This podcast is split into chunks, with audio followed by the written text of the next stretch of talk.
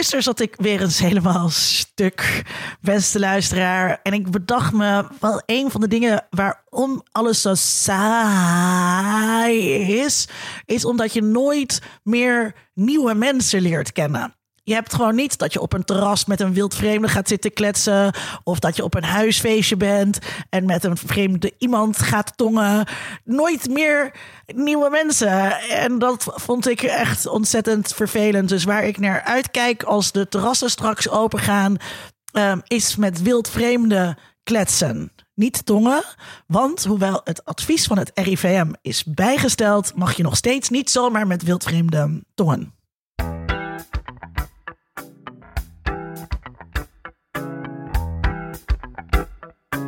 Deze podcast wordt mede mogelijk gemaakt door Code Clear. Duidelijk over websites en design. Vanuit Amsterdam is dit Onder Media Doctoren, de podcast waarin communicatiewetenschappers zich verwonderen over de media.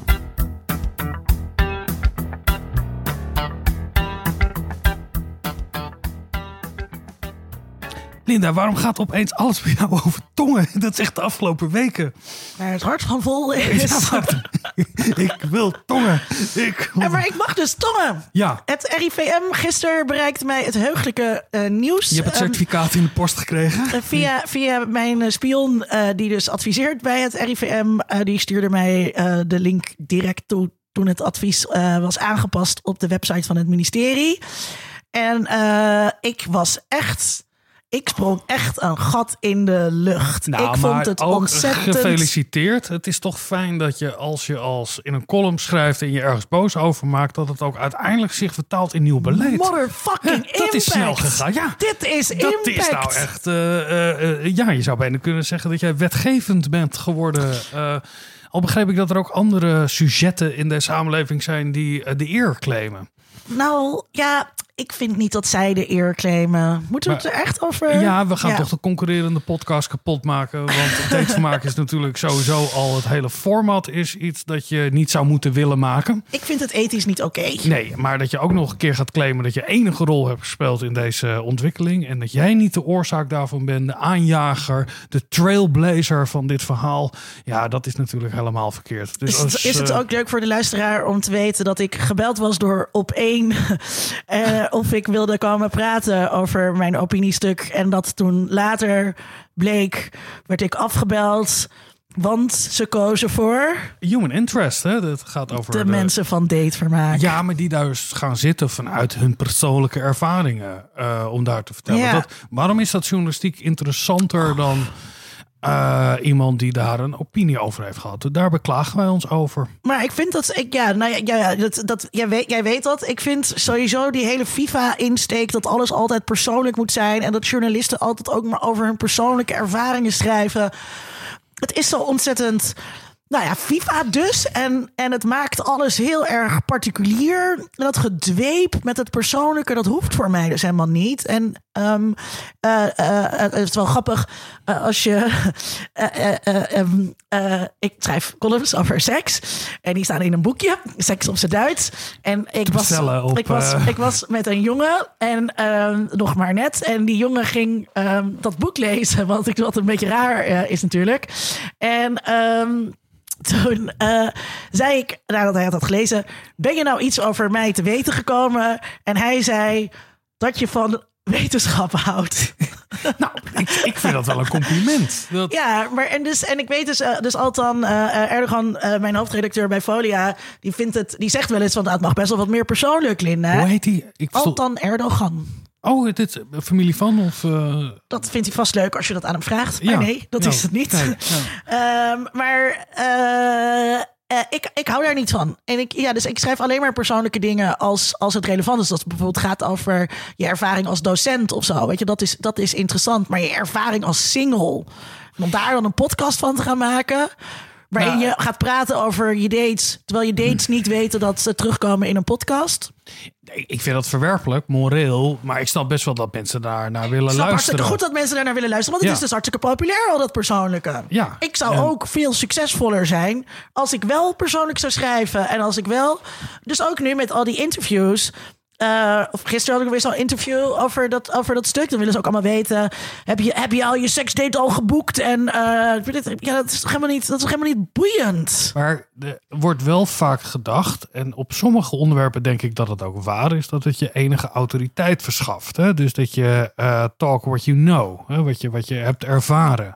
Ehm, in een journalistieke context kan ik me best voorstellen dat dat relevant kan zijn.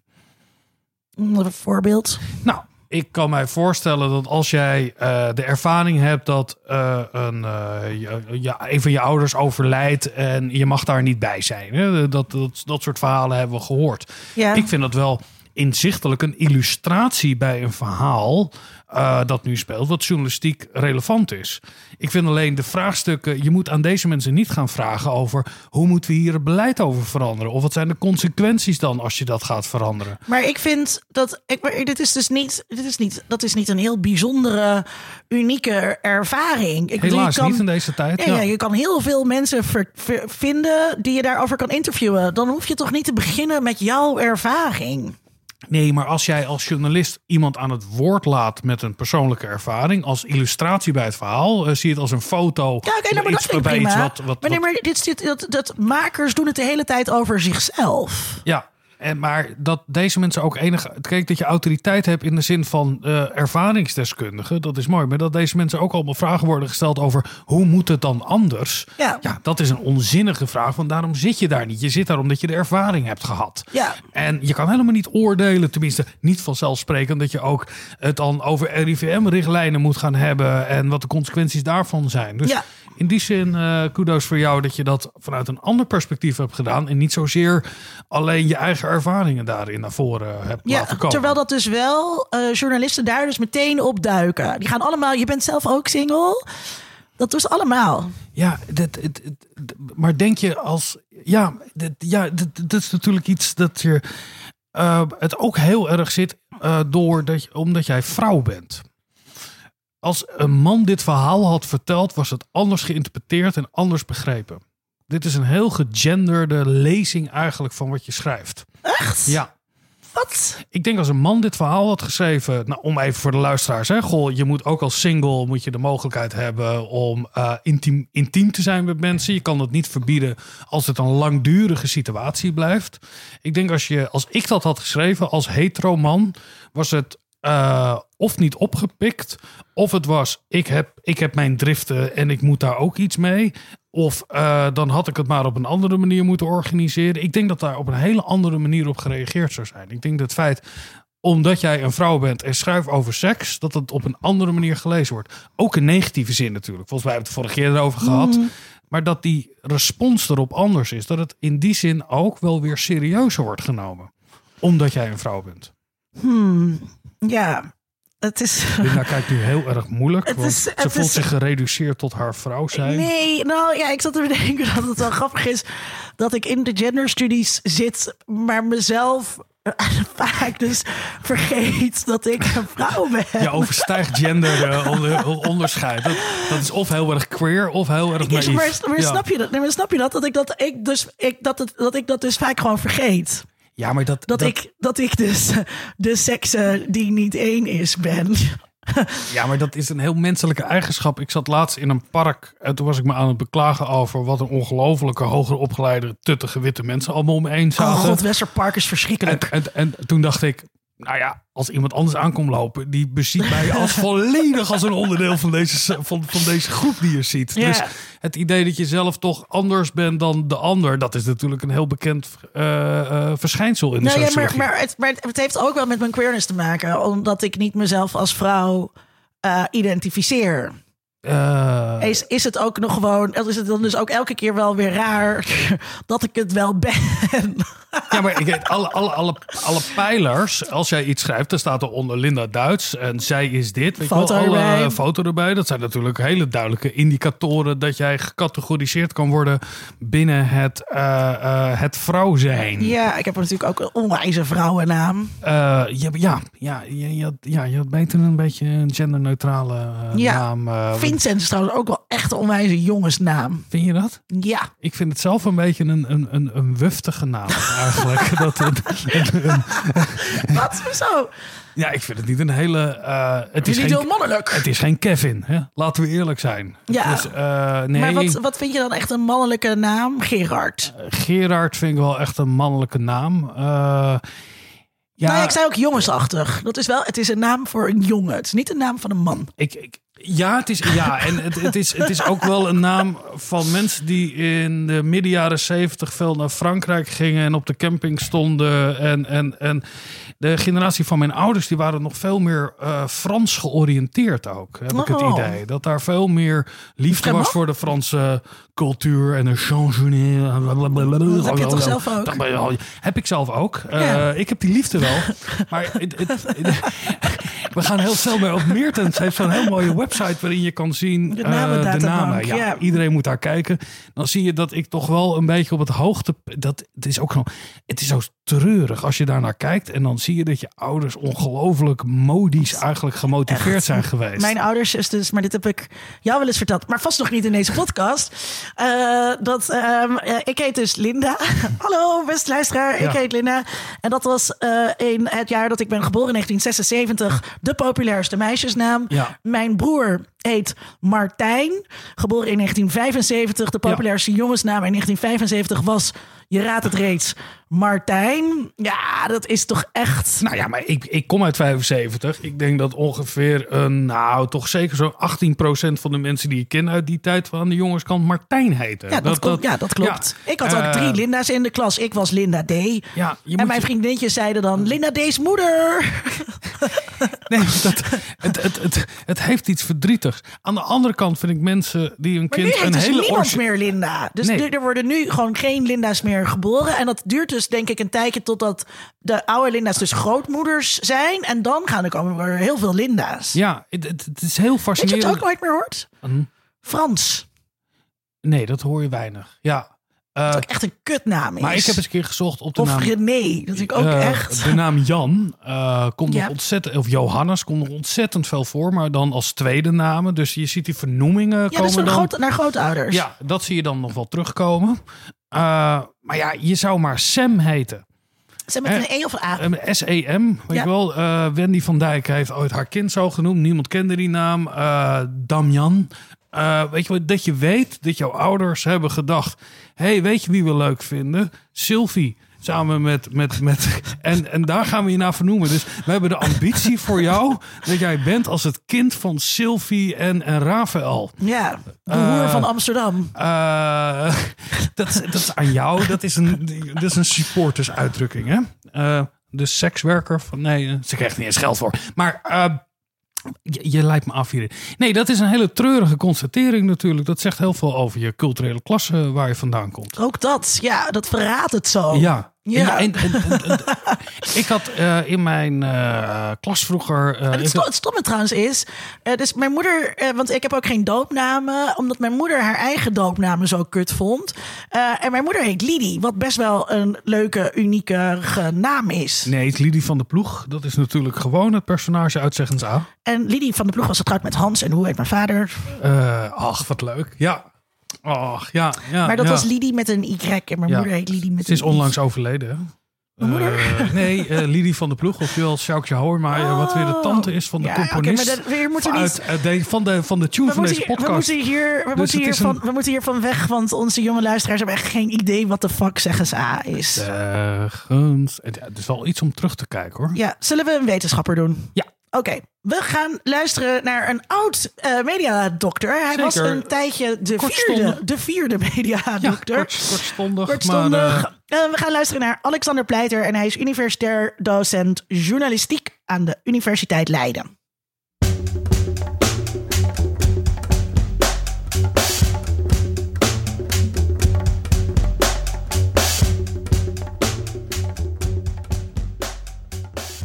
Meer dan tien jaar geleden begon ik met mijn collega Peter Burger met het project Nieuwscheckers. Dat is een, eh, een fact-check project aan de Universiteit Leiden.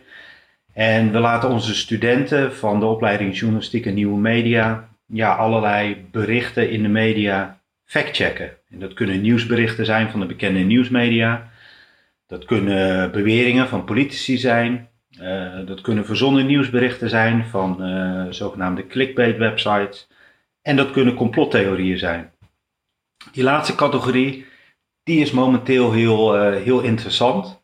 Tijdens de ja, coronacrisis uh, zien we dat er steeds meer aandacht is voor die uh, complottheorieën. De, de, de bekende media die schrijven over complottheorieën die rondgaan.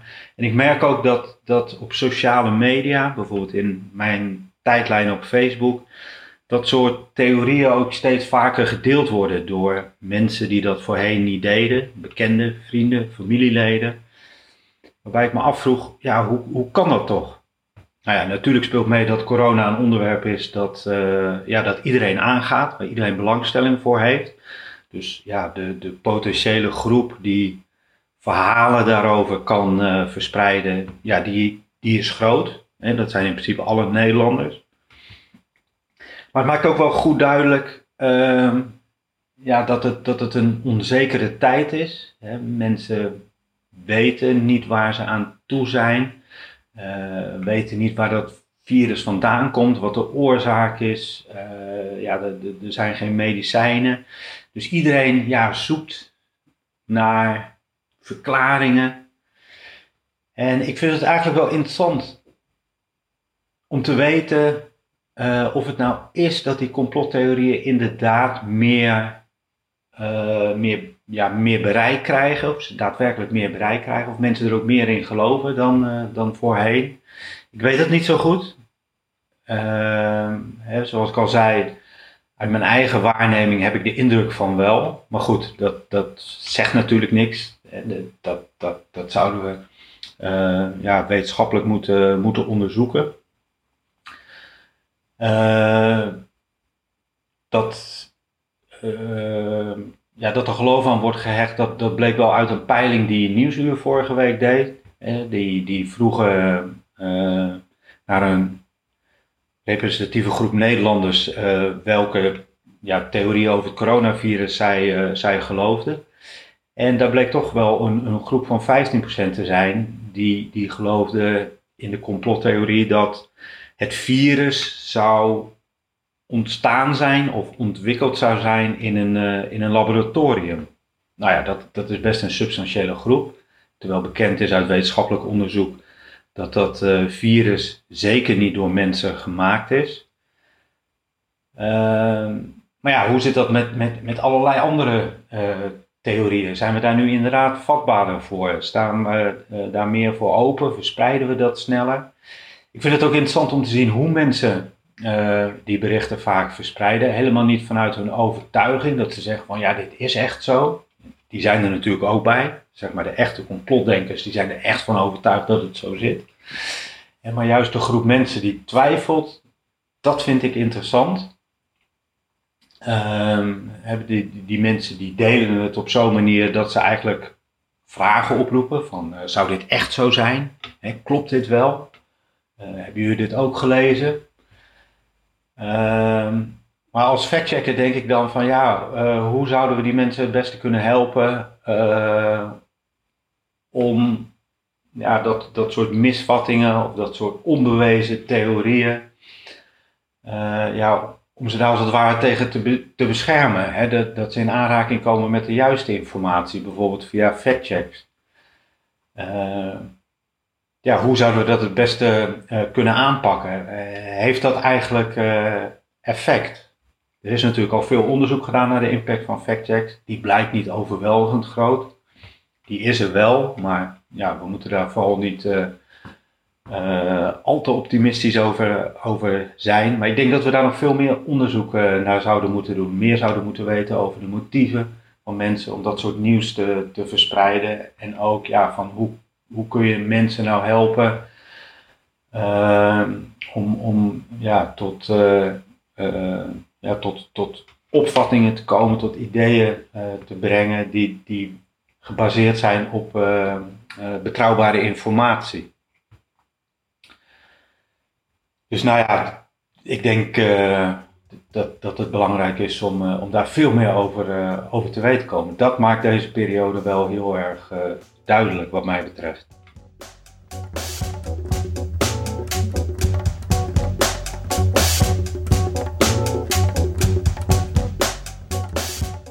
Dankjewel, Alexander. Ehm, de, de, de complottheorieën zijn best wel een paar keer aan bod gekomen in, in, in onze reeks. In eh, aflevering Eh, 111, aantekeningen uit het ondergrondse 7, hebben Ja. we Jaron Harambam, waar ik, die ik elke keer Garon noemde, maar hij heet dus gewoon Jaron. Jaron. Jaron, ja. Jaron, ja. Ehm, eh, over eh, Zoek het eens op in het Meertens namenarchief. Eh, Ja. maar dus aflevering 111 voor de luisteraar die dat gemist heeft. Ja, wat, wat ik wonderlijk vind aan wat Alexander zegt, eh, zijn twee dingen. Ten eerste. Ga je monologen? dat hij, ja, ik ga een kleine monoloog houden. Ten eerste, dat hele begrip van fact-checking.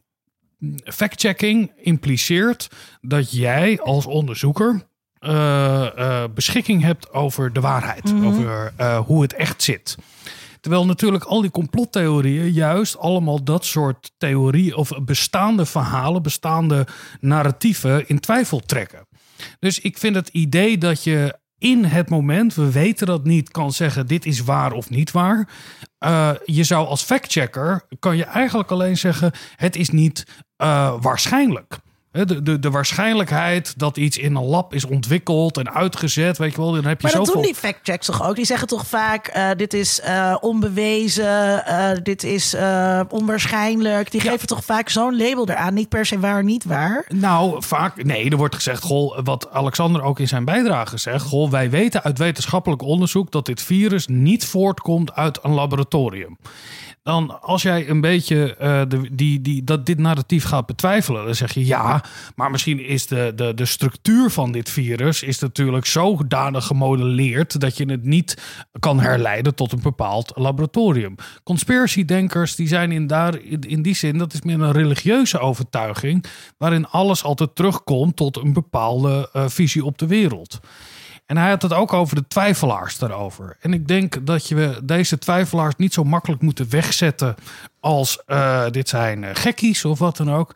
Er zijn natuurlijk in deze fase, deze overweldigende eh, verandering die wereldwijd is, is het om de lijn van de overheden te volgen daarin. Daar hebben we historisch gezien te veel voorbeelden van gehad dat we dat ook moeten betwijfelen. Ik vind dat als je eh, teruggaat naar helemaal het begin in Nederland over de herd immunity, waar we het toen over hadden, hebben we nooit meer wat over gehoord. eh, over daarna. Dat geeft al aan dat er ook gewoon interpretaties zijn van de werkelijkheid door beleidsmakers over hoe dingen gaan. Dus je kan natuurlijk is er een, kan je dat begrip van werkelijkheid of waarheid oprekken. Weet je wel, dat er allemaal kwade eh, mensen achter zitten. En dat er een totaal systeem achter zit waar, of het nou de Illuminati is, of de kabal, of wie je ze ook allemaal noemt. Het is die orde die erachter, de ges- gesuggereerde orde die erachter zit, is heel onwaarschijnlijk. Net zoals dat 9-11, als dat een inside job was geweest. het is zeer onwaarschijnlijk dat, dat eh, er zoveel mensen bij betrokken zijn. Ik had ooit een collega die stellig van overtuigd was dat de maanlanding nooit had plaatsgevonden. Vanuit dezelfde reden, vanuit de redenering. Als je in die situatie zoveel risico neemt als land in de Koude Oorlog, dat, daar moet je een plan B voor hebben. Dat kan niet anders. Ik heb dit wel eens verteld in deze podcast. Gaan we Eh, onszelf nu herhalen? Dat Eh, hoop ik niet. eh, nee, dat, dat, dat, ehm, eh, ik, ik heb ooit een, ik, ik zat ooit op, een, op een borrel, of ik was aan het borrelen met mijn goede vriend Cem. En die was van de positie de maanlanding, eh, was ook fake. En Stanley Kubrick heeft dat gefilmd. Ja, En, Dark ehm, Side of the Moon. en toen kwamen we er niet uit. En toen, toen, maar toen hebben we de, discussie meta gemaakt van hoe kan je nou zo'n discussie beslechten? En daar heb ik toen ook een column eh, over geschreven. En dus die- Het is- nieuw voor de bingo. Ik ja, heb daar er heb een ik ook nog column over geschreven. geschreven. ja. Maar ehm, ja, maar het gaat in één keer heel veel over ons. En dat is enige wat ik wil te vertellen. Maar, ehm, en, en, en dat was dus, de- toen vroeg ik ook aan mijn lezers van, weet je wel, kan je mij dus... Want als iemand de NASA als instituut afwijst... Ja. Alles komt van NASA. Weet je wel, dat is natuurlijk ook met die flat earthers bijvoorbeeld. Die zeggen, ja, die foto's van de ronde aarde, dat komt van NASA. En dat Ja. is het instituut dat baat heeft bij deze mythe dat de aarde Ja. rond is. Ehm, en eh, toen kwam zeg maar als, als briljante antwoord... ehm, dat eh, dus dat is er eentje. Dus, dus er, er- zoveel mensen kunnen dat niet geheim houden. Maar bij die maanlanding, wat daarbij meespeelt, was: oké, één maanlanding kan je faken, maar je kan er niet meerdere faken. Ja, maar je kan er wel één faken en dan is de rest wel waar natuurlijk. Ja, maar dat, je, maar dat, we toen dat- niet naar de maan konden en daarna, heel kort daarna in één keer wel, dat, dat is dan onzin. Ja, Eh, ik weet dat Pepita Hesselberg schreef jaren geleden een eh, mooie eh, bijdrage voor een studieboek. Pepita. Pepita. Pepita. Pepita, klein. Over namen gesproken. Ja, dat betekent Pepita. klein zaadje. Dus Pepita, als je luistert. Van de Pepita Pitches. Oh, is zo kut. Dat is kut. nou ik ben in één keer heel blij met mijn naam die mooi betekent. Nou, dat is een hele belangrijke en een goede filmwetenschapper. Ze zit in Leiden. Dit geheel eh, terzijde. Maar zij schreef over wat eigenlijk die conspiracy theories. Weet je wel, het is zo fijn. Zeker in deze situatie, als er een alomtegenwoordige eh, verandering is. Dan is het veel fijner om te denken dat daar orde in zit. En dat er eh, eh, een moedwilligheid is. Want als er moedwilligheid is, dan kunnen we het afstraffen en dan komt het Ja. nooit meer terug. Ik zie nu in de discussies die we hebben, wat ik heel veel, zeker de laatste nou, week zie terugkomen. Is, we zijn hier nog niet van af. Weet je dit gaat weer terugkomen. Eh, dus het- gaat steeds meer naar, nou ja, wat dan het nieuwe normaal, hoe je dat dan ook wil noemen. Maar dan is het zo fijn om te denken, ja, Bill Gates heeft gezegd, er zijn te veel mensen. Bill Gates houdt zich bezig met virussen. En nu is er opeens een virus waardoor er minder mensen zijn. Nou, dan is voor mij 1 en 1 is 2. Wat ik fijn vind aan eh, onderzoekers als, eh, als Jaron en ook aan Alexander, is dat zij ehm, de mensen die complottheorieën of, of desinformatie eh, lezen en delen en eh, daarin geloven, zeg maar. Dat zij die niet afschrijven. En Ja. eh, ik vind dat een hele prettige positie eh, eh, als sociaal wetenschapper. Hè? Dat we, we, we, we denken Dat na probeer over. ik ook net te zeggen. Precies. Dat, En- dat niet... En dat gebeurt natuurlijk heel, heel makkelijk. Zeg maar, oh, de rechtsgekkies of de gekkies, dat zijn gekkies. Nee, kunnen, hoe kunnen we deze mensen begrijpen? En dat is ook noodzakelijk, wat Alexander ook zegt. Als je die mensen wil beschermen tegen, tegen dit soort dingen, dan moet je toch ook beter begrijpen ehm, waarom zij eh, dit, dit, dit eh, Ja, er delen. bekruipt En- mij ook een gevoel dat, het, dat je daarmee deze mensen op een andere manier disqualificeert. Dus je disqualificeert ze niet in hun mening, maar je disqualificeert ze als dus... kwetsbare Want ze kijkers. zijn kwetsbaar en die moeten beschermd worden en die moeten de juiste informatie krijgen. Eh, er is ooit een proefschrift geschreven, De kwetsbare kijker, wat hier heel erg Goeie over titel, gaat. Goeie ja. titel, ja, dankjewel. Ehm, en, en, en dat zit er ook. Ik, ik had laatst, eh, ik weet niet hoe jij ermee omgaat, hè, want het is belangrijk dat we persoonlijke ervaringen delen.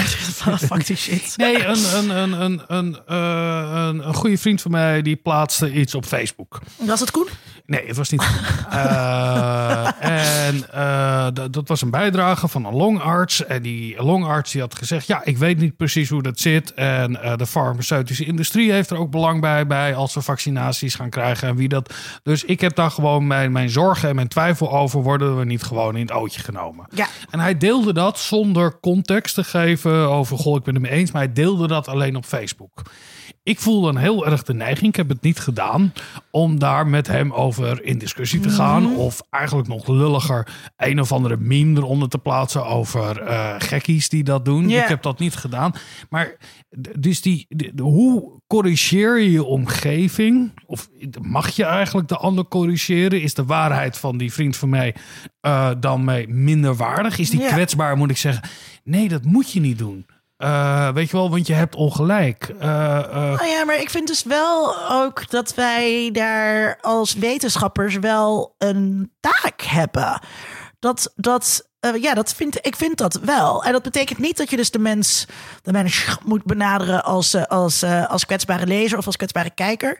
Maar we hebben wel een taak om desinformatie te bestrijden. En het is een heel lastig eh, pakket waarin je komt. Ik zag heel interessant ehm, eh, eh, toen Trump iets had gezegd, toen zei hij daarna: Nee, ik zei het alleen maar om te zien hoe jullie reageren.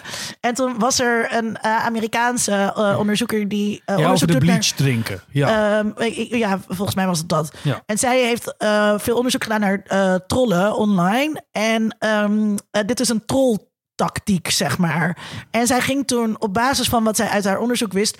eh, en nadenken over hoe kan je dat nou bestrijden? Want geef je er aandacht aan, daarmee valideer je het ook. Ga je het ontkrachten? Daar, dus dat, en, dat is, en, en dat is dus het kutte aan trollen. En daarom is dat ook heel een interessant onderzoeksgebied Zij winnen altijd. Ja. Is eigenlijk geen, en dat vind ik dus ook, maar dat, maar dat ontneemt ons niet van de verantwoordelijkheid om wel een site als nieuwscheckers.nl, eh, eh, waar Alex eh, bij zit, om, om dat te hebben, om de, dat er dus wel een plek moet zijn, juist voor die groep die, ehm, eh, ehm, ja, die, die ook niet doorheeft dat het niet klopt of zo. Of die, ja, snap je wat ik bedoel? Ja, ik, ik zit even te denken waar voor mij de grens ligt tussen eh, iemand heeft een andere mening dan ik. En die put daar uit, uit bronnen waar ik van denk, ja, dat moet je niet doen. En eh, totdat ik ook me er echt over uitspreek. En die grens ligt voor mij wel heel erg bij hoe iemand handelt. Maar bijvoorbeeld hier. Nee, maar eh, me ik dit even kijken nee, op, maar me op- dit op- even- nee, maar dit- even als dit- voorbeeld. dit op, punt wil ik even op afmaken. nieuwscheckers. Oh, maak punt af. Eh, op het moment dat iemand, eh, ik heb al eens eerder gezegd dat ik uit antroposofische kringen kom en zijn eigen kinderen niet laat inenten.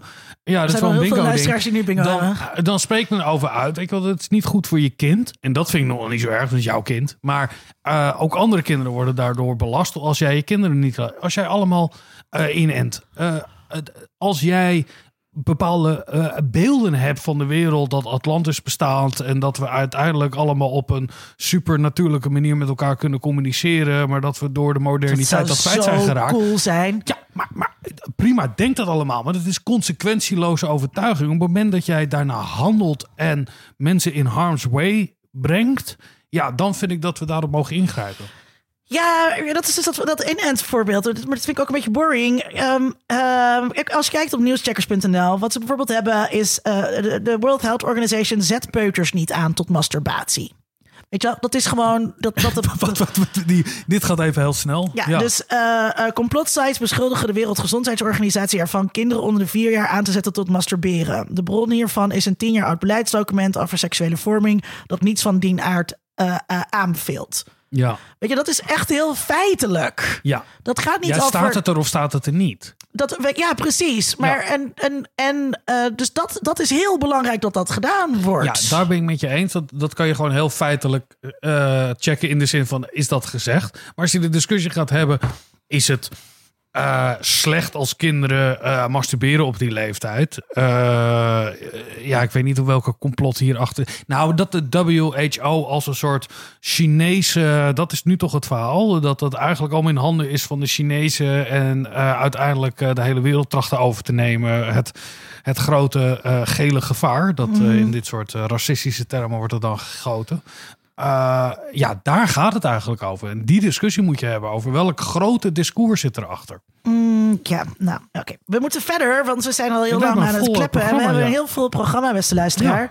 Ehm, eh, de luisteraar luistert naar ons. fijn. En eh, we hebben eindeloos natuurlijk gesmeekt om input van... eh, Nee, we krijgen heel veel leuke reacties. Maar deze vonden wij zo leuk dat we die graag met jullie wilden we delen. kunnen niet alle reacties delen. Dat kunnen we wel hoor, dus blijf gewoon, De blijf alle gewoon postzakken reageren. die hier in de gang staan, die worden allemaal geopend. We, kregen een mail van Jelena de Rijk met eh, eh, de, als eh, onderwerp of Marius Kooijs lied alsjeblieft als hit kan worden uitgebracht. De, ik lees de mail gewoon even integraal voor. Marius, breng hem uit. Onder mededoctoren Productions Present. Marius Kooi. God, God, ook Vincent, echt. Oké, ik ga nu eerst even... Ja. Beste Linda en Vincent, kan alsjeblieft de hit van Marius Kooi uit aflevering 118 op YouTube, Spotify of whatever worden uitgebracht? Nu moet ik steeds in de aflevering terugspoelen, is eerlijk gezegd niet te doen. Daarnaast wou ik me melden als antropologiestudent van de Radboud Universiteit. Ik ben eerstejaars en 27 en woon helaas al samen met mijn vriend. Dus heb geen ervaring met op kamers blijven of weer naar mijn ouders gaan. Maar, of zoals je zegt, maar haar. Ik luister wel met ontzettend veel plezier. En het helpt me zelfs om door de C-crisis heen te komen. Want door de helikopterview die jullie geven, wordt alles om mij heen ook interessant. En op een objectievere manier herkenbaar. Dit in tegenstelling tot de andere nieuwsberichten over corona, die meer een nadruk lijken te leggen op de ernst van de zaak. Ik vroeg me af of jullie dit ook bewust zo doen. Het antwoord is naar alle waarschijnlijkheid ja, maar ik was toch benieuwd. Vriendelijke groetjes, Jelena de Rijk. Oké, allereerst Vincent. We hebben dit voorbesproken. Als jij wat vaker op de Slack keek, dan wist jij dat het hitje van Marius Kooi inmiddels op onze YouTube staat. Kijk, Dit wist jij niet, hè? Dat wist ik nog niet. Nee, want je Nee. leest de Slack niet. Ik lees de Slack alleen als ik gementiond word. Maar ja, dat is eigenlijk mijn hele leven. Als ik niet genoemd word, dan heb ik er ja. ook geen aandacht maar, voor. eh, dus eh, Jelena, goed nieuws. Eh, op ons YouTube-kanaal eh, staat het hitje van Marius Kooi. Het gaat over het hitje... ehm, wat is de titel nou ook weer? Eh, mijn haar is anderhalf meter lang. Nee, die of, ja, alle twee. Ze staan eh, trouwens alle twee ja. op YouTube. Maar die ene was dat disco-hitje, bedoelt ze, Ja, denk ik. En er is een videoclip bij. Ja, dus de video's van deze nummers staan op YouTube eh, op ons kanaal. Dus op het Onder Media, onder Media Doctor kanaal. En dan vind ik het natuurlijk heel grappig dat ze zegt dat ze helaas samenwoont met haar vriend. Ja. Ja, dat overkomt mensen. Vincent is ook in de fase dat hij gaat samenwonen op deze leeftijd. Dat Vincent het ook nog eens een keertje mag, meemaken. Ik ben serieel samenwonen. Je kan ook gewoon niet samenwonen. Maar goed. Ja. Ander onderwerp. Ehm, maar ze vroeg zich dus af of wij, of wij bewust luchtig omgaan met corona. Nou, Vincent. Nee, helemaal niet. Nee, nee dit, dit, dit, dit, ik ben bloedserieus. Maar het is wel grappig, want ze heeft wel gelijk. Wij doen dat wel. We zitten wel. We maken eigenlijk een podcastreeks die veel te olijk is. Ja, vind, vind je het te olijk? Ja, maar dan moet ik steeds, ja, maar dan moet ik nadenken over ten opzichte van wie of wat. Eh, ja, dan moeten we op een soort metaniveau opeens gaan reflecteren op onze podcast. Ik, ik denk wat wij in deze podcast, in deze reeks doen... Ineens moeten we meta. Oh, no, dat Oh, kan dat niet erg. Lekker meta, meta. Maar, ehm, d- d- nou, laat ik, laat ik, het, ik, ik ben super enthousiast wat er gebeurt. Wat? Het, het, Vince. nee, het is heel dat kan je, niet- kut. Dat kan je niet zeggen. Het- het- Daar het- krijgen we problemen mee. Het ik- nee, maar het is heel kut als je oma dood is. Maar, eh, eh, eh, maar het is natuurlijk ook wel weer fantastisch. Dat er, eh, er zijn. Ik vind het wij, wij, ja. nou, Laat ik het even in juiste termen zeggen. Wij verwonderen ons graag over de wereld om ons heen. En wij pretenderen eh, via het perspectief van media daar iets over te kunnen zeggen. Want we hebben ons diploma daarvoor gehaald. En daarom heet het onder media doctoren. En daar stopt en begint onze autoriteit. Hè? Dat, dat, dat we daar in die wetenschappelijke discipline zitten. En de- ja, deze wereld die er nu is ontstaan is fascinerend. De eerste vraag die wij aan alle collega's hebben gesteld. Hoi, hoi, hoi, waar denk jij nu over na? Wat er allemaal gaat gebeuren? Hier gaan we lekker over nadenken. En dit is heel spannend. En volgens mij helemaal aan het begin hebben we gezegd... hier worden bepaalde dingen blootgelegd... Hè, die we nu eh, gaan zien van wat we belangrijk vinden of niet. Of de omgang met media, over hoe we geïnformeerd worden... waar, waar Alexander het over heeft. Dus ik, ik, ik, ik weet niet of het het enthousiasme is van het, eh, eh, de mensen die in een auto langs een auto-ongeluk rijden. Dus dan dat je wil. ik geloof niet dat het sensationalisme is, maar wel eh, dat er zo ontzettend veel gebeurt, ook binnen onze eigen discipline. En we hebben al heel vaak oproep gedaan over andere disciplines te vertellen. Dat we de, de, de olijkheid of de lichtheid, zoals ze het beschrijft. De lichtheid is denk ik eerder enthousiasme dan lichtheid. Eh, ik, nou ja, ik vind het wel dat enthousiasme, dat hebben we dus. En dat heb ik in, in, er gebeurt. Er gebeurt. Ik zat net aan het begon natuurlijk met Ik klagen. Er eigenlijk als mens helemaal niks. fundamenteel verveeld. Dus in deze, Ja. dit, dit, dit zijn hoogtijdagen voor mij. Ja, dus dat. eh, eh, ik, ik klaag natuurlijk dat er niks gebeurde, maar eh, er, gebeurt, er gebeurt dus iets wat ontzettend fascinerend is als je geestes- of sociale wetenschapper, of sociaal wetenschapper bent. Je kan dat, je kan dat niet anders. En ik, dat is inderdaad, die verwondering is, is sowieso waarom we onder mediadoctoren maken, maar ook heel specifiek deze corona-reeks. Maar ook, eh, we- want eh, maar we, ja, we zijn wel.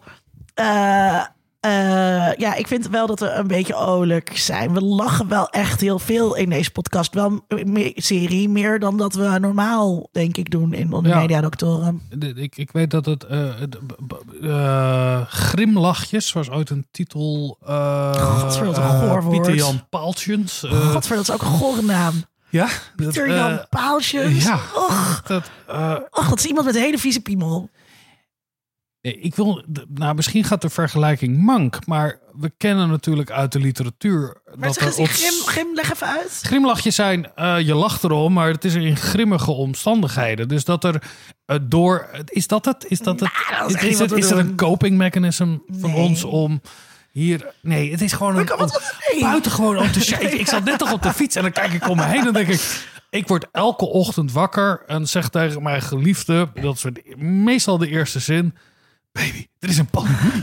en ik weet nog steeds niet of het een waarschuwing is of een soort enthousiasme van de vakantie. We zijn op vakantie. Uh, dat, dat, ik, ik hou ervan als dingen veranderen, als, als, als er reuring is, als er uh, mensen van hun, uh, nom, als de normaliteit doorbroken wordt. Want dat, maar het is dus wel grappig, want er is dus reuring terwijl er niks gebeurt. Nee, maar er gebeurt een heleboel. Dit is, dit is trouwens een, dit is een mooi bruggetje. Ik ga toch even de, de, ik ga toch het draaiboek even omgooien. Ik doe, oh. ik doe een Vincentje. Oh, kijk. Ja, dit is een mooi uh, bruggetje, want we hebben oh, een. Ja. bijdrage gekregen uh, van een luisteraar van het eerste uur, zoals hij zichzelf noemt. En dit is wel echt ook om de bingo kaart erbij te pakken.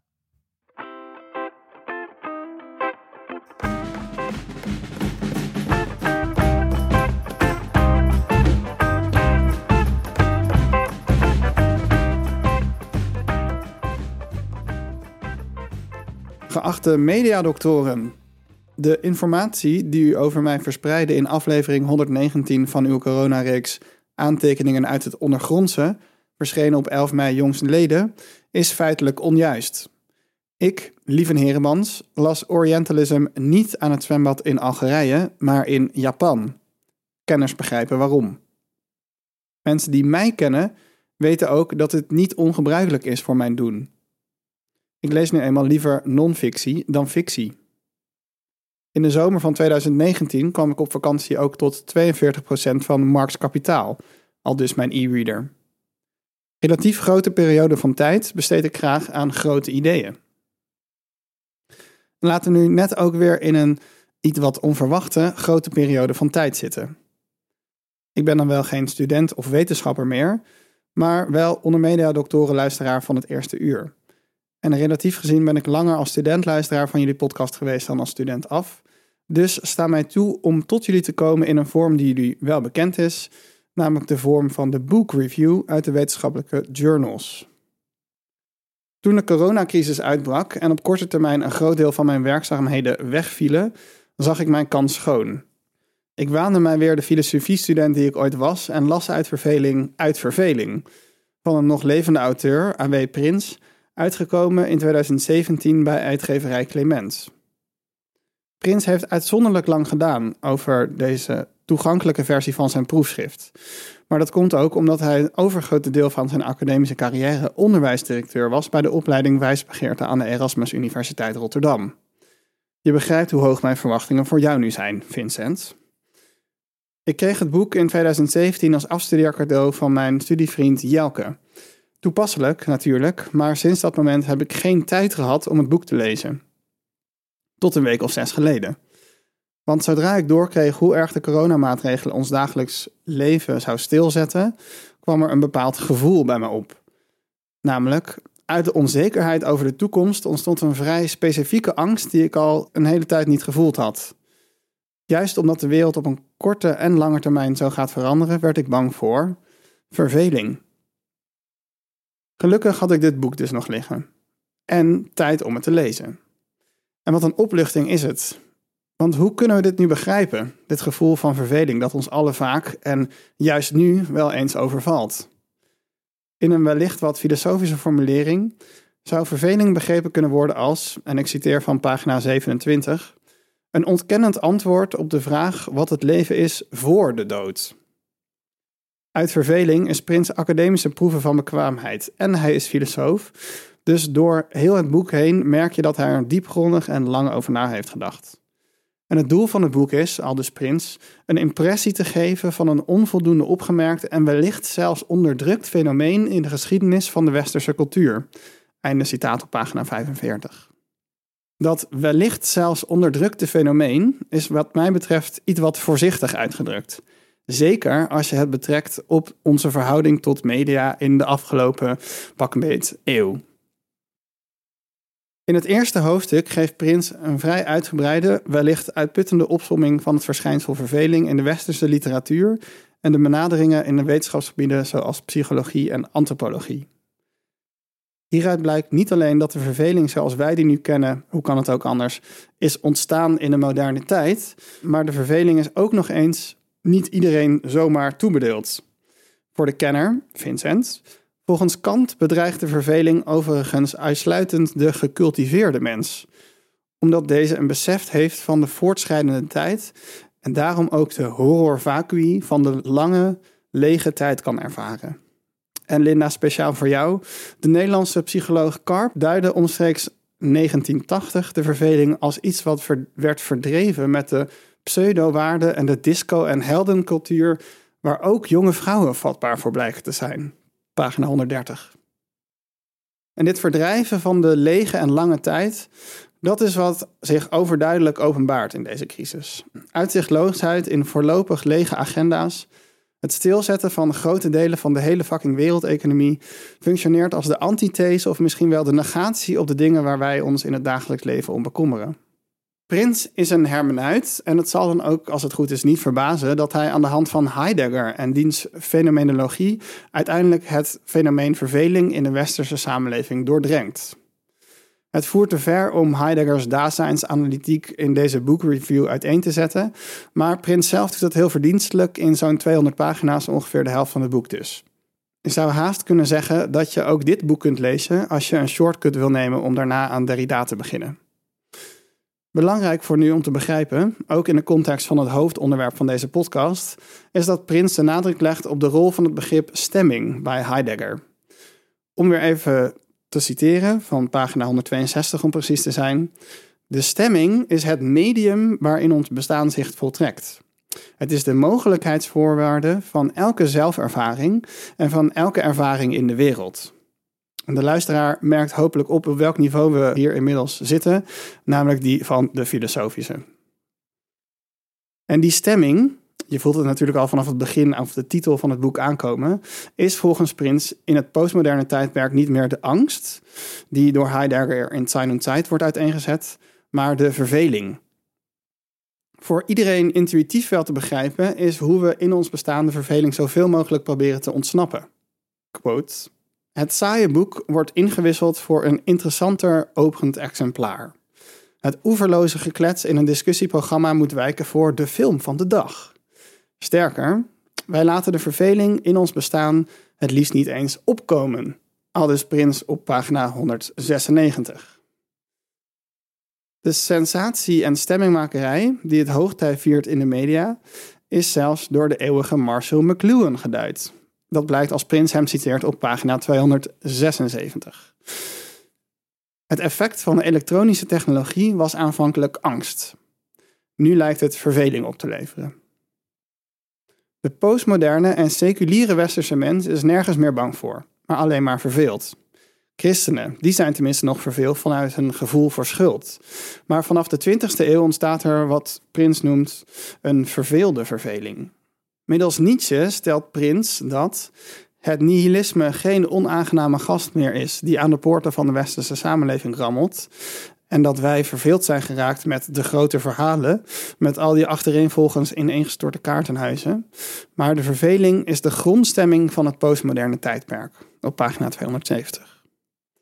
De vraag is nu, wat voor soelaat biedt ons deze analyse? En gaat die nog wel op ten tijde van corona?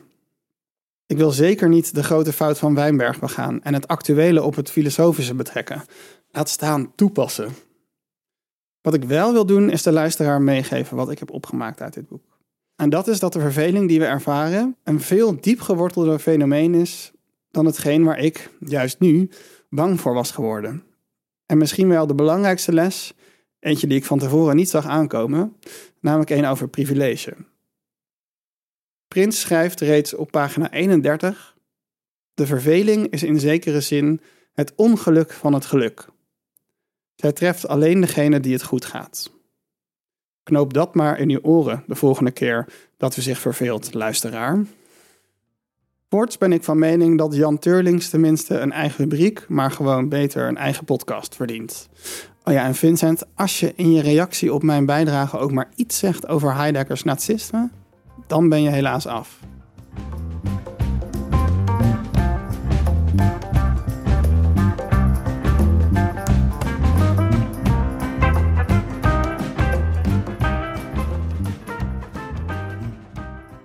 Nou, lieve, um, zoals in het fascisme en nazisme. Nee, Uh, dankjewel. Ik vond het een uh, interessant perspectief. Vooral de term...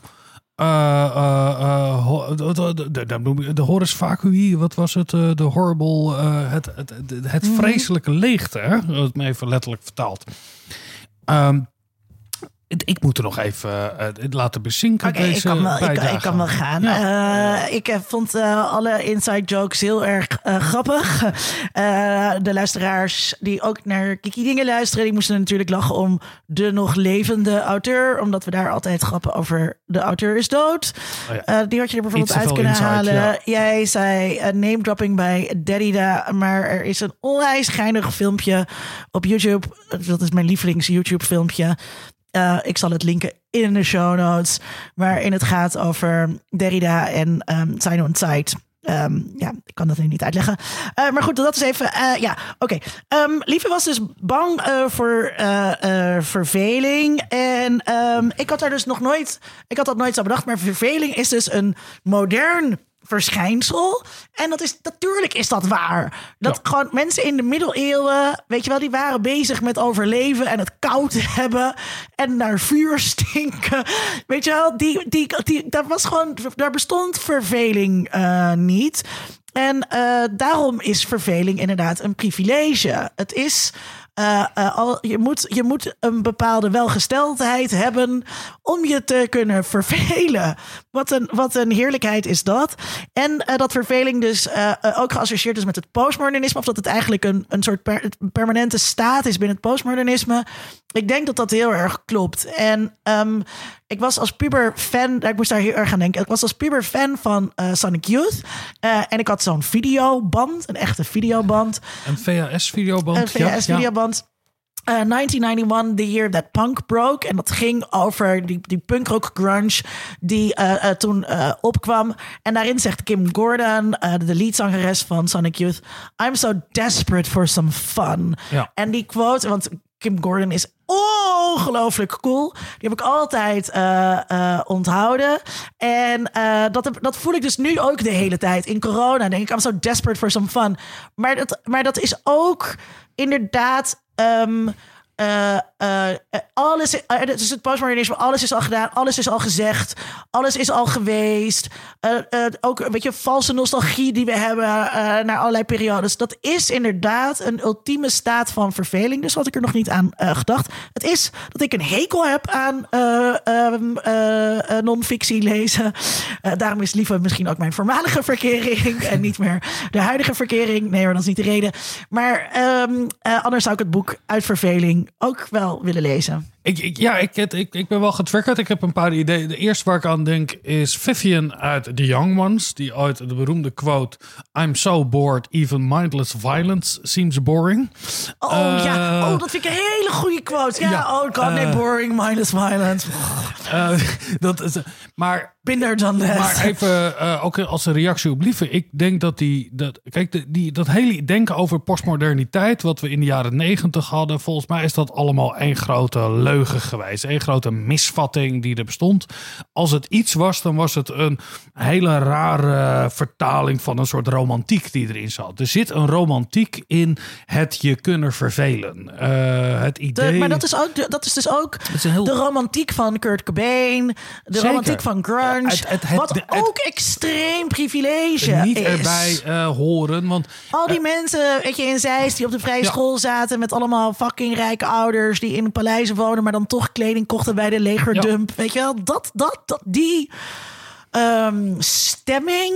Ja. Kijk, natuurlijk is het totaal privilege dat je kan zeggen: uh, alles gaat mij goed, maar ik heb niks te doen. He, dat, dat, dat, er is een soort leegte in mij, een vacuüm, zoals liever dat omschrijft. Ja, dan dat is niet eens, dat is voorbij een soort Calvinisme. Weet je wel, je moet nuttig zijn, maar uh, dat je een, een, een bevrediging voelt in het benoemen van je eigen leegte. Dat is ja, dat, dat is een soort super uh, privilege die je daarin hebt. Um, ik denk wel, als we het even halen naar de tijd waar we nu zitten. Uh, ik, ik denk dat mensen in de leegte die er ontstaat, of in ieder geval die druk, her gaan overwegen over waar heb ik eigenlijk gekozen in mijn leven dat deze druk bestaat. Uh, dat zie ik heel erg om me heen. Sorry, zeg nog? Dat en? mensen eh, eh, nu teruggeworpen worden in hun huiselijk leven. Eh, met hun gezin, met hun kinderen, met een partner, Ik met heb net een vrienden. nieuwe bank gekocht. Eh, nou ja, jij vertelde me net, ik heb een plant en een bank gekocht. Weet je wel. En, en dat we vanuit dit punt weer anders gaan nadenken over de keuzes die we hiervoor hebben gemaakt. Dat Maar wat, kan zei, niet maar wat zei je nou over druk? Over, want je zei het van, at which point in your life did you decide? Maar dan zei je het in het Nederlands, maar dit is een Dr. Phil uitspraak. Sorry. Je, je, je- Je zei ergens, eh, oh, waar in, waar in je leven heb ik besloten... Ja, dat ik het zo druk moet hebben, dat ik die moet zien, dat ik die moet zien, dat ik dat moet doen, dat ik naar de sportclub moet, dat ik eh, die, die vrienden moet zien die ik eigenlijk helemaal niet zo leuk vind, dat ik eh, elke week naar mijn ouders ga, dat ik eh, dan ook nog eens een keer met mijn vrienden in de kroeg moet zitten en ik moet ook die films zien in de theatervoorstelling en dat boek lezen. Eh, nu heb je eh, eerder eh, hebben we wel over gehad. Weet je wel, je kring wordt kleiner. Dus die druk wordt ook minder groot. Je Ja. hoeft niet meer uit te leggen dat je moeilijke boeken aan het lezen bent. Zoals Lieve dat hij net heeft verteld. Want nou, een van de uitspraken waar ik aan zit te denken is... eh, stel je voor je gaat naar een onbewoond eiland... En welke tien boeken die je mee, eh, neem je mee? Waarop iemand zei, ik weet niet meer wie het is. Luister, weet je, ja, geen enkele. Want met wie moet ik het erover hebben? Weet je wel, met wie, met, met wie ga ik vertellen dat ik dat moeilijke boek heb gelezen? Want ja, dat is de half of the fun of, of, eh, van, van iets lezen. God, Die- ik ben dus nu echt eh Dostoevsky aan het lezen... omdat Och. ik in een boekenclub zit met een vriendinnetje. Nou ja, dat soort dingen die ontstaan. Ik denk dat hier wel een, een, een, we anders gaan nadenken over eh, ledigheid. En, Hey, we gaan niks anders doen na de crisis. Ik ben denk je in dat Tony alles weer terugkeert? kamp. Alles na de crisis wordt hetzelfde als dat het was. Eh, maar dan een beetje kapitalistischer en nog minder groen en nog kutter. En wij gaan niet andere mensen worden. En daarom eh, vind ik, vind ik, ehm, heb ik, heb ik dus nu al corona-nostalgie, waar we vorige keer ook over hadden. En daarom zijn wij ons nu zo aan het verwonderen. Omdat dit is een fase, die is bijzonder en die komt niet meer terug. En we gaan daar niks aan overhouden. Ja, dat, ik, ik vind het onzin om nu een discussie te gaan hebben of het er wel of niet is. We zullen het wel zien. Ja, we ik kunnen, merk, ja, is- eh, kunnen- ik merk wel dat we kunnen ik... een terugblikaflevering maken over drie jaar of Ja, zo. we- ja, precies. We gaan over een paar jaar terug. En aan natuurlijk al die studenten die deze podcast gaan analyseren over hoe ging dat toen eh, als contemporaine bron. Eh, ik denk wel, als ik voor mezelf spreek, dat ik andere keuzes ga maken in de toekomst, omdat ik deze ervaring heb. Dat denk ik zeker. En wat die keuzes precies zullen zijn, of Wat hoe ze anders maar zijn. waar- in welke richting denk je dan? Heel praktisch. Eh, eh, ik denk dat ik bepaald overleg, weet je wel, in mijn werk heb je over overleg. Ik denk dat het nu veel makkelijker is. onderwijsdirecteur? Ja, eh, eh, ik, heb, ik, ik, heb een ik heb wel een baan, Linda. Eh, d- dat je dan denkt, nou, dat kunnen we ook wel online doen. Dat is een heel simpel voorbeeld, maar ik denk dat het eh, voor mensen, bijvoorbeeld mensen die jonge kinderen hebben en lesgeven, die moeten nu voor het eerst lesgeven. Ik denk dat er mensen zijn die daar ook wel een beetje plezier aan hebben en die dat leuk vinden en die dat blijven doen. Ik geloof wel dat er eh, in die zin veranderingen kunnen komen. Ik zie ook heel erg de parallel die er getrokken wordt nu tussen klimaatverandering en deze situatie. Dat dit een soort test is van. Kijk, we zijn wel in staat om grote beslissingen te nemen op het moment dat de poep de ventilator raakt. En misschien raakt de poep de ventilator iets geleidelijker als het gaat over klimaatveranderingen. Maar we zijn als samenleving in staat radicaal te handelen op het moment dat het nodig is. Dus dat is een van de Eh, vragen eh, die Rijntjan Renes volgens mij in de eerste aflevering van Aantekeningen uit het Ondergrondse ook opwierp. Het- dus ik denk dat dat ergens. Maar, dat is, maar, ik, maar op persoonlijk niveau, ja, weet je, ik, bedoel, ik ben nu best wel aan het genieten van, van, van weirdly fit Linda. En overdag Linda heeft nu echt gewonnen eh, van eh, nacht Linda. En ik super gezond en heel fit. En wow, groente eten, al die dingen. Maar ehm, gisteren bijvoorbeeld toen had, kwam nacht Linda er weer even tussendoor.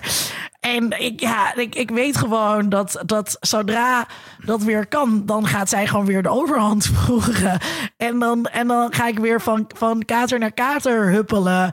En weer struikelend door het leven. En dan ben ik blij dat in deze periode corona, corona Linda het huis heeft geschilderd en een nieuwe bank heeft gekocht. En al die dingen.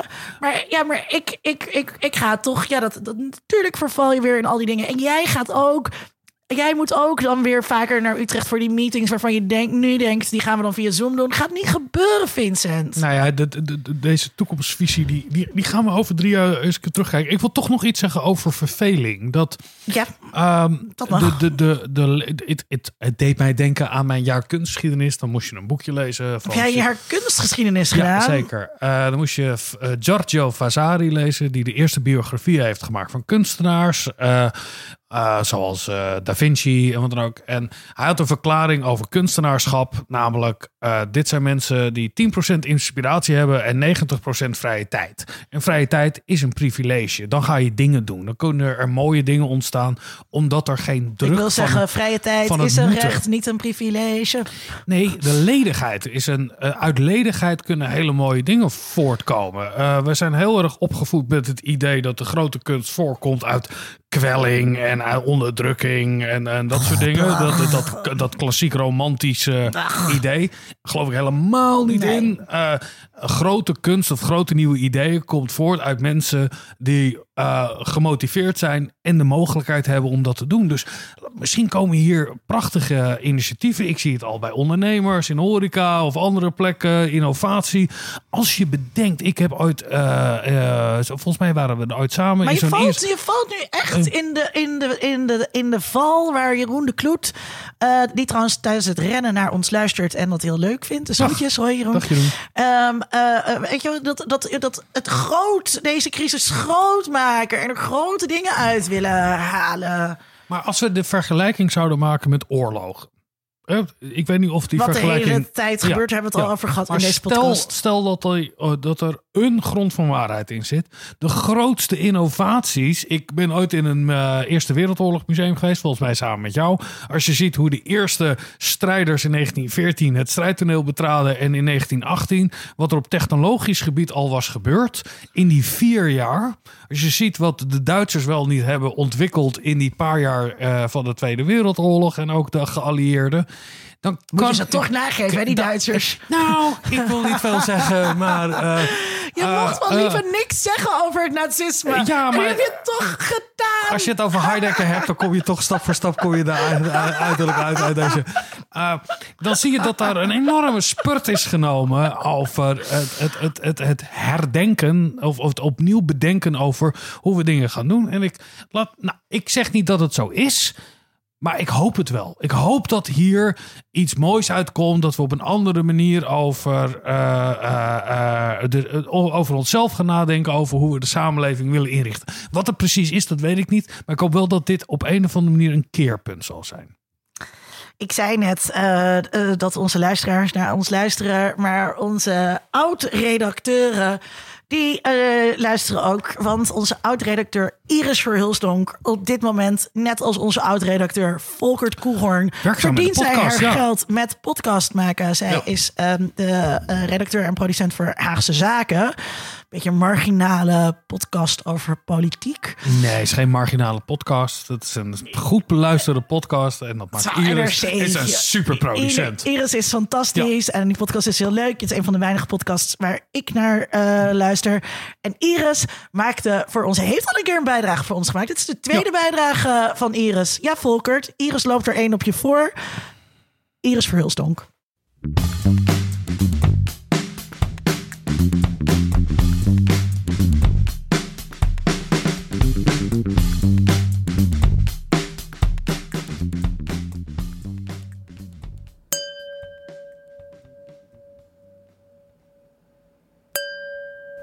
Ik zit hier nu in mijn studio en ik kijk opzij en bij de deur staan 1, 2, 3, 4, 5, 6, 7, 8, 9 flessen.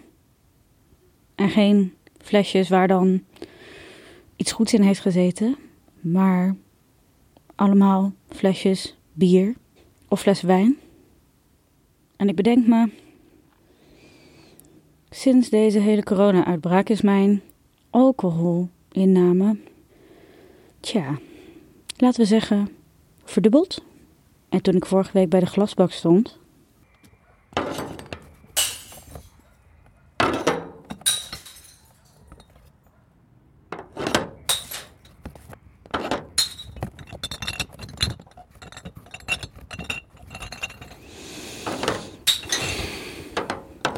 vroeg me af, hoe kan het nou toch dat ik opeens zoveel ben gaan drinken? Ik hield wel van een drankje, maar zoveel? Zou het iets te maken kunnen hebben met de media die ik heb geconsumeerd? To alcohol, the cause of and solution to all of life's problems. Gin and tonic, please. Belay that order, Dana. Lagavulin neat. Clear alcohols are for rich women on diets. I'm gonna sit alone in my house, watching wedding fails on YouTube, drinking margaritas through a Twizzler straw until I pass out on top of my vibrator. Get me a vodka rocks Mom, it's breakfast. and a piece of toast. Then I remembered that alcohol existed. Thank you, alcohol. Hmm, ja, misschien is dat het wel. Maar het is wel een beetje tegenstrijdig. Aan de ene kant hoor je, zorg ervoor dat je gezond blijft. Maar aan de andere kant wil je jezelf ook iets gunnen. En wat mag eigenlijk nog wel? We mogen steeds meer, maar ik mag nog steeds mijn vrienden geen knuffel geven. En ehm, het is ook niet goed om nu lekker te gaan eten, want omdat je minder beweegt, word je dan ook weer dikker. En dat is ook weer slechter voor je. En ja, god, wat moet ik dan in hemelsnaam wel? Dus ja, ik schenk er nog maar eentje in.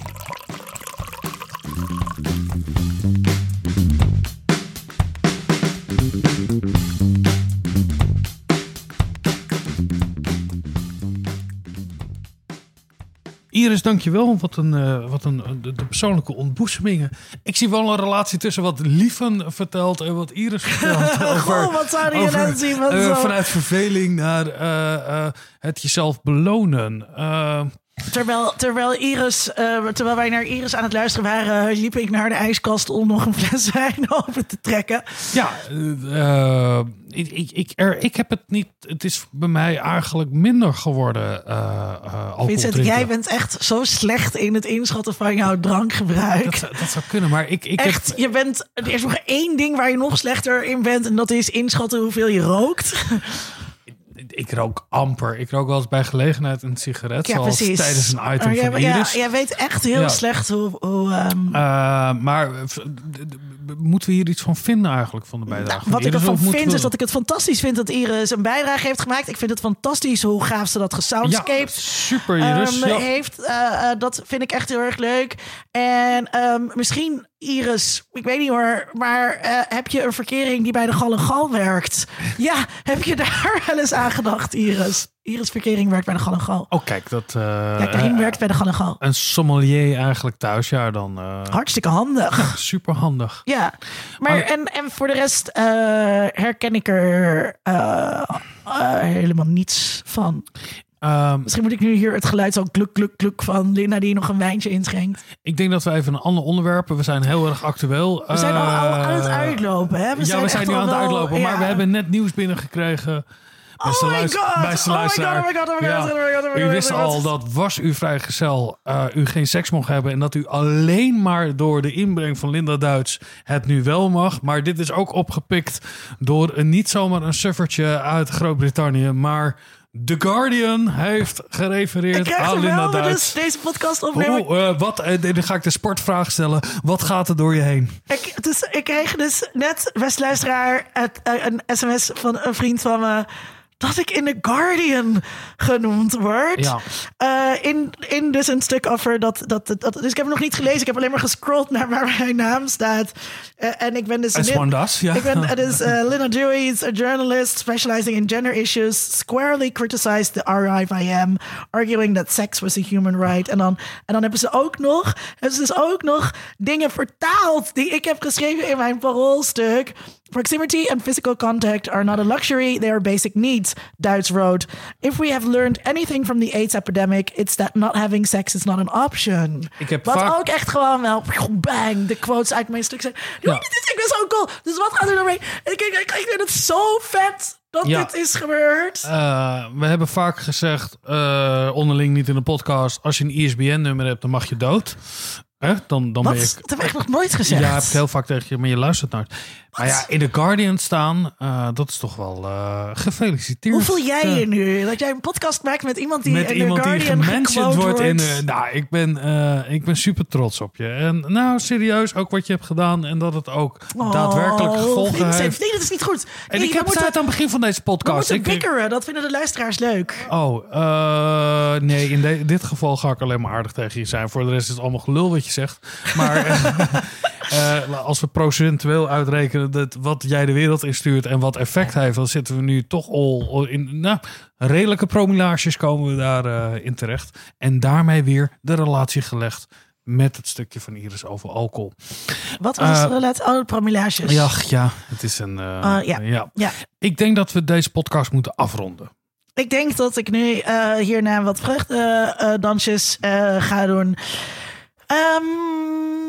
Beste luisteraar, heb jij nou ook een idee? Heb je een bijdrage? Uh, zit je in een oh, bepaalde okay. discipline waar wij nog nooit over hebben gehad? Uh, heb jij waarnemingen die wij nog niet hebben benoemd? Of uh, ben je het gewoon heel erg met ons oneens? laat het ons weten. Stuur je eigen bijdrage. Dat Wees kan zoals dus Jelena de Rijk. Ja, Stuur ons een e-mail. vind het ook leuk als je, ja, laat weten wie je bent en wat je vindt. Vind je nou helemaal niks, maar vind je het toch wel leuk om hier naar te luisteren? Dan oh my kan god, je ik kijk nu dus in mijn Patreon mail. worden. Ja, ik kijk nee, in mijn mail nee, en ik krijg. BBC Radio 4. BBC Radio 4 stuurt me nu een e-mail. Uh, I wonder if you have time for a quick chat today about the Oh mijn god. Uh, uh, Jongens, een internationale carrière. Weet nog, jij was er als eerste bij dat Linda nog gewoon in een podcast was. Uh, ze gaat straks gewoon worldwide natuurlijk. Dit is BBC Radio. En um, nou, we, dan zien we, we luisteren, we praten. we zijn er over een paar dagen weer. Bedankt Matthijs van Listronk voor het geven van geld. Bedankt voor het luisteren. Bedankt Iris en Lieve en Alexander Pleiten voor het insturen van hun dingen. Ja, en Sona voor het monteren. Yes. Tot volgende keer. Doei.